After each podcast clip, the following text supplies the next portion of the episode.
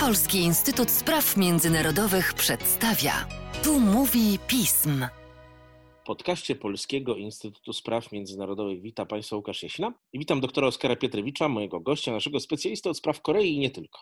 Dzień dobry, cześć Łukaszu. Pora na podsumowania, jak ktoś by pięknie powiedział, na odkrycie, jaki był dorobek, jakie zostaje dziedzictwo w historii pewnych ludzi, tak, tak, domyślają się Państwo słusznie, że chodzi o 45.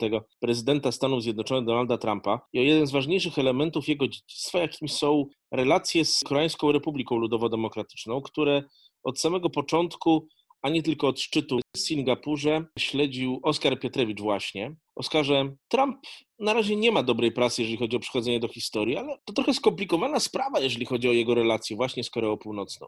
To prawda, bo były to rządy dość trudne do jednoznacznego zdefiniowania, bo zaczął od presji, skończył na impasie, a w międzyczasie był dialog.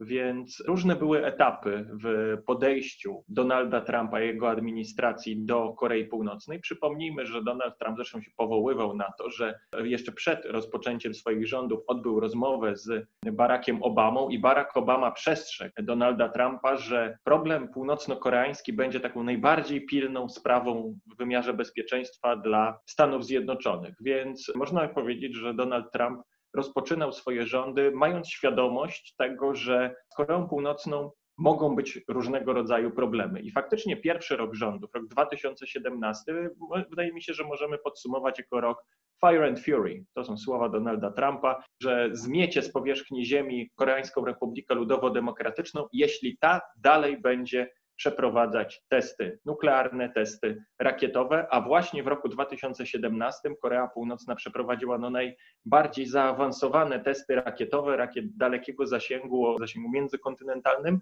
właśnie w tym momencie, kiedy Donald Trump dopiero zapoznawał się z problemem północno-koreańskim. Więc ten pierwszy rok był bardzo wybuchowy. Niektórzy już wówczas wieszczyli, że świat jest na krawędzi wojny nuklearnej, bo właśnie Stany Zjednoczone, państwo atomowe i Korea Północna jako państwo prawdopodobnie też z wiarygodnym arsenałem atomowym.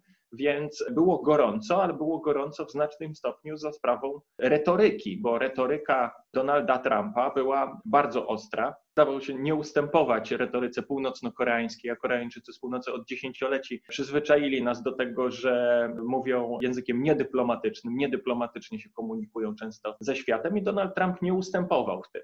Gdybyśmy mieli tylko podsumować 2017, no to właśnie było wybuchowo i było podkręcanie eskalacji obustronne i ze strony Korei Północnej, i ze strony Donalda Trumpa. Natomiast A potem 2000... przychodzi rok olimpijski, rok pokoju. Tak jest. Rok 2018 nie wydarzyłby się oczywiście, gdyby to, co miało miejsce w 2018 na Półwyspie Koreańskim, nie wydarzyłoby się bez inicjatyw pokojowych Korei Południowej, czyli sojusznika amerykańskiego. I Donald Trump no, wsiadł do tego pociągu, który mu podstawili Koreańczycy z południa, do pociągu pod tytułem Jednak rozmawiamy, jednak dialog z Koreą Północną. Bo wydaje mi się, że tutaj musimy brać pod uwagę, że to przede wszystkim była inicjatywa Korei Południowej, której zależało na deeskalacji napięć i szukaniu nowych rozwiązań dla problemów, szeroko pojętych problemów bezpieczeństwa na Półwyspie Koreańskim. I rok 2018 to jest historyczne spotkanie w Singapurze w czerwcu między urzędującym prezydentem Stanów Zjednoczonych a przywódcą Korei Północnej. I można powiedzieć, że właśnie wydarzenie historyczne, nikt wcześniej nie zrobił tego, więc Donald Trump osiągnął swój sukces jako ten, który zrobił coś, czego przed nim nikt nie zrobił. Natomiast no właśnie, to już jest jedno, co Donald Trump uważa za swój sukces i co było wydarzeniem właśnie takim medialnym, faktycznie historycznym, ale jakie były realne efekty, to jest już zupełnie inna sprawa. I wydaje mi się, że to też jest ważne, że ten rok 2018 pokazał i 19 i do teraz tak naprawdę ciągle się to unosi, że Donald Trump postawił na inne podejście do problemu północno-koreańskiego, które polega na bezpośrednim, takim osobistym zaangażowaniu prezydenta Stanów Zjednoczonych w negocjacje z Koreą Północną przed Donaldem Trumpem zdecydowanie więcej było takiej dyplomacji roboczej, dyplomacji na niższym szczeblu, jeśli już to spotkania szefów dyplomacji, jeśli już to e, zaangażowanie negocjatorów, zawodowych dyplomatów. Natomiast zarządów Trumpa zdecydowanie postawiono na ten wymiar takiej już właśnie dyplomacji liderów, bardzo odpowiadający Korei Północnej, bo to państwo, w którym ostateczne zdanie należy do, do przywódcy który no, też czuje się odpowiedzialny za kierowanie państwem też w tych najbardziej newralgicznych sprawach związanych z bezpieczeństwem międzynarodowym. I Donald Trump faktycznie no, odwrócił ten sposób prowadzenia dyplomacji z Koreą Północną, pomijając w dużym stopniu zaplecze eksperckie, zaplecze dyplomatyczne urzędników Departamentu Stanu, doradców i postawił na siebie w dialogu z Koreą Północną. No właśnie, Oskarze. Mamy za sobą, o ile dobrze pamiętam, trzy spotkania na tym najwyższym szczeblu między prezydentem Stanów Zjednoczonych a przywódcą Korei Północnej. I skoro już mówimy o dziedzictwie, to co z nimi poza ich historycznym znaczeniem tak naprawdę wynika?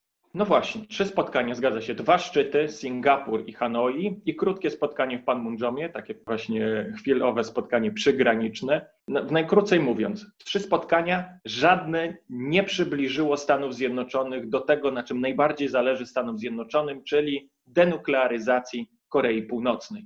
Co więcej, wydaje mi się, że po czterech latach rządów Donalda Trumpa tutaj właśnie ocena w tym aspekcie bezpieczeństwa, denuklearyzacji jest jednoznaczna. Korea Północna jest jeszcze silniejsza. Ma rozwinięty arsenał nuklearny i rakietowy jeszcze bardziej, jeszcze bardziej zaawansowany i rozbudowany niż w momencie, kiedy Donald Trump zaczynał swoje rządy. Wynika to między innymi z tego, że Korea Północna nie zobowiązała się i Stany Zjednoczone nie wymusiły zarządów Trumpa na Korei Północnej zobowiązania się do tego, że Korea Północna przestanie rozwijać tenże arsenał. Korea Północna tylko zobowiązała się i to też jednostronnie, nie było to, pod, no niektórzy twierdzą, że może pod presją amerykańską, ja uważam, że to był po prostu e, taktyczny ruch Korei Północnej do jednostronnego moratorium na testy nuklearne i rakiet dalekiego zasięgu, ale to nie oznaczało, że nie rozwija Korea Północna potajemnie swojego całego zaplecza nuklearnego i rakietowego. Więc i co więcej, takie osiągnięcia, to w cudzysłowie Donalda Trumpa,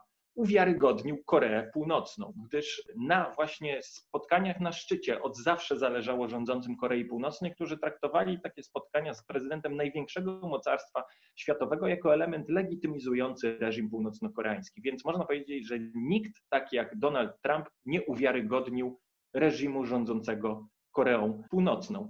Wydaje mi się, że też jest e, właśnie tutaj a propos tego, co wcześniej mówiłem, że to była taka trudna do jednoznacznej oceny, jak wyglądała ta polityka Trumpa przez cztery lata. To była polityka e, właśnie moim zdaniem bardzo sprzeczna i szczyt w Singapurze w 2018 roku jak najbardziej to pokazał, bo 2,17 to jest maksymalna presja, nakłanianie sojuszników, izolujcie Koreę Północną, zgniećmy ją gospodarczo, próba przekonania Chin, zresztą skuteczna przez jakiś czas. Trzeba zacisnąć pętlę wokół szyi północno-koreańskiej i co robi Donald Trump w 2018? Otwiera się na dialog i tym samym przełamuje tą izolację międzynarodową, którą starał się wcześniej sam narzucić, więc duża, duża sprzeczność. Wydaje mi się, że też problemem, co jest negatywne dla oceny prezydentury Donalda Trumpa w tym konkretnym północno-koreańskim aspekcie, jest to, że nawet to, co się mu udało, czyli to spotkanie historyczne w Singapurze, że do niego w ogóle doszło, zakończyło się niesamowicie ogólnikowym komunikatem. Było wiadomo, że nie dojdzie do przełomu, ale ten komunikat był dużo bardziej jałowy, ogólnikowy niż inne dokumenty podpisywane przez Stany Zjednoczone i Koreę Północną, na przykład w latach 90. czy w pierwszej dekadzie XXI wieku. Więc można powiedzieć, że Donald Trump nie wprowadził absolutnie żadnej merytorycznej nowej jakości, jeśli chodzi o dialog z Koreą Północną. Inna sprawa, że dorobek Donalda Trumpa, tutaj też trochę jestem złośliwy, ale proszę mi to wybaczyć, jest to, że w ramach prób rozwiązania problemu północno-koreańskiego Donald Trump stworzył wiele problemów w relacji z sojusznikiem południowo-koreańskim. E, na przykład pamiętajmy to, że był to jednak polityk mocno nieprzewidywalny w wielu swoich posunięciach. Po szczycie w Singapurze, e, na konferencji prasowej, ku zaskoczeniu i własnych urzędników z Pentagonu, ale też południowo-koreańskich sojuszników, ogłosił zawieszenie manewrów Stany Zjednoczone, Korea Południowa. Nikogo o tym wcześniej nie informował. Tutaj i źródła i w Pentagonie, i południowo-koreańskie jednoznacznie o tym mówiły.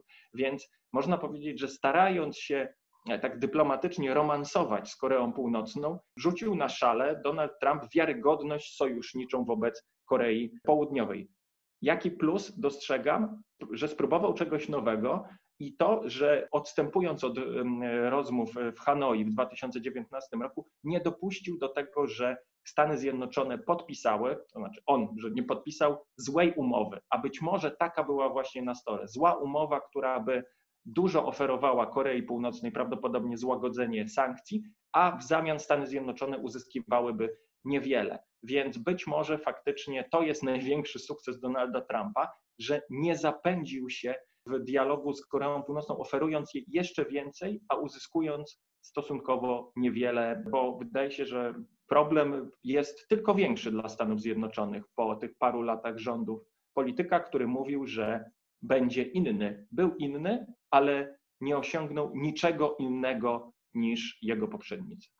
No właśnie, ale teraz Donald Trump sam będzie czyimś poprzednikiem. Już za kilka tygodni, jeżeli oczywiście wszystko się potoczy zgodnie z, z tym, co wiemy w tym momencie, 46. prezydentem stanu zostanie Joseph Biden, wiceprezydent w czasach Obamy, człowiek, który też doskonale wie, czym jest Korea Północna i się w ten problem angażował. Czeka nas powrót do takiego normalnego, klasycznego załatwiania tej sprawy. Wrócą eksperci, wrócą analitycy, wróci norma ogłaszania pewnych rzeczy w oświadczeniach, a nie na Twitterze? Chyba tak i wydaje mi się, że teraz jeszcze bardzo trudno oceniać, bo jeszcze nawet nie wiemy, kto kogo się. Znaczy mamy, mamy swoich faworytów, kto, się, kto będzie w otoczeniu doradczym, na najważniejszych stanowiskach w administracji Bidena i można bazować właśnie na jego doświadczeniu za czasów rządów administracji Obamy, ale też na podstawie tego, co sam Biden mówił w trakcie kampanii wyborczej. No, powiem krótko, może być to powrót do strategicznej cierpliwości z plus, to znaczy strategiczna cierpliwość, ale z dodatkiem, że trzeba jednak troszkę inaczej działać, bo Korea Północna jest już inna niż zarządów Obamy, a strategiczna cierpliwość polegała na nakładaniu sankcji na Koreę Północną i oczekiwaniu, że w końcu Korea Północna sama zrozumie, że należy rozmawiać. Wydaje mi się, że obecnie może być to bardzo naiwne podejście, bo się okazało, i to zresztą z otoczenia Bidena, ludzie, których miałem okazję słuchać, to mówili, że Joe Biden rozumie te błędy strategicznej cierpliwości, czyli wyczekiwania, że to trochę jak czekanie na Godota było, że to nie była dobra polityka. Wydaje mi się, że to, co powiedziałeś, może być najistotniejsze. Powrót dyplomacji roboczej, dyplomacji opartej na ekspertyzie, co nie musi się podobać Korei Północnej, bo Korea Północna bardzo, wydaje mi się, liczyła na reelekcję Donalda Trumpa, licząc, że właśnie ta dyplomacja na szczycie przyniesie pożądane skutki dla Korei Północnej. Mam wrażenie, że będzie trudno o spotkania na szczycie zarządów Bidena, chociażby z tego względu, że został, że nie ma tutaj tej chemii, którą poczytywał sobie, że taką chemię ma w relacji z Kim Jong-unem Donald Trump. Joe Biden nazwał Kim Jong-una w trakcie kampanii wyborczej i okrutnym dyktatorem, i bandytą, ale Korea Północna nie pozostawała dłużna. Obecnie w żargonie północno-koreańskim Joe Biden funkcjonuje jako imbecyl, więc może być to pytanie, czy będzie spotkaniem imbecyla z, z bandytą, bo się niektórzy też naśmiewali, że przecież e, i Donald Trump był wcześniej nazywany bardzo no, nieładnie przez północno-koreańską propagandę, ale jeśli już, to dyplomacja na szczycie jako zwieńczenie wielomiesięcznych czy wręcz wieloletnich negocjacji na szczeblu roboczym. Wydaje mi się, że to będzie charakteryzowało dyplomację Bidena, ale problem też polega na tym, że dla Joe Bidena i jego administracji Korea Północna prawdopodobnie będzie dopiero jednym z wielu problemów, w dziesiątce problemów w wymiarze bezpieczeństwa międzynarodowego, ale nie pierwsza trójka, że tu jednak są inne potrzeby Stanów Zjednoczonych, inne interesy, więc Korea Północna raczej nie będzie na liście priorytetów polityki zagranicznej Bidena, ale może wcale to nie, to nie musi oznaczać, że nie będzie postępów, bo to, co jest też bardzo istotne, i tutaj ci, którzy optymistycznie patrzą na rządy Bidena, że Biden deklaruje większe otwarcie na sojuszników przy rozwiązywaniu problemów międzynarodowych, sojuszników i partnerów. I to też jest ważne, że mówi, nie tylko musimy starać się rozwiązać problem Korei Północnej we współpracy z Koreą Południową i Japonią, ale też obowiązkowo Chinami, bo bez presji chińskiej na Koreę Północną nie ma możliwości rozwiązania problemów bezpieczeństwa na Półwyspie. Więc może to być powrót do tego, co było, ale największym problemem, jak zwykle, i za Trumpa, i za Bidena, i za następnych prezydentów Stanów Zjednoczonych, w dialogu z Koreą Północną będzie Korea Północna, która tak jak za Trumpa starała się wodzić Amerykanów za nos i obiecywać rzeczy, których wiadomo, że nie spełni, a żądając maksymalnie dużo. Podobnych zachowań wydaje mi się, że możemy się spodziewać zarządów Joe Bidena. I co więcej, to jest moja taka wstępna ocena, że jeśli Joe Biden będzie ignorował, że będzie z innymi sprawami zajęty przez pierwszy kwartał, to Korea Północna o sobie przypomni. Przypomni w klasyczny sposób dla siebie. Testem rakietowym, prawdopodobnie czegoś, czego jeszcze nie testowali. Więc mam wrażenie, że początek przyszłego roku może być na Półwyspie Koreańskim dość wybuchowy. Tak jak to bywało dość często, od taka symbolika i taki język dyplomacji w tamtym regionie świata. Oskarze, dziękuję Ci bardzo i porozmawiamy sobie, myślę, jeszcze o relacjach Donalda Trumpa i tak zwanym dziedzictwie Trumpa w relacjach z tamtym regionem świata jeszcze w kolejnych podcastach, bo została nam i Korea Południowa, o której już częściowo dzisiaj wspomniałeś, została nam Japonia. To same ważne sprawy są jednak. Oczywiście. Do usłyszenia w takim razie. Dzięki wielkie.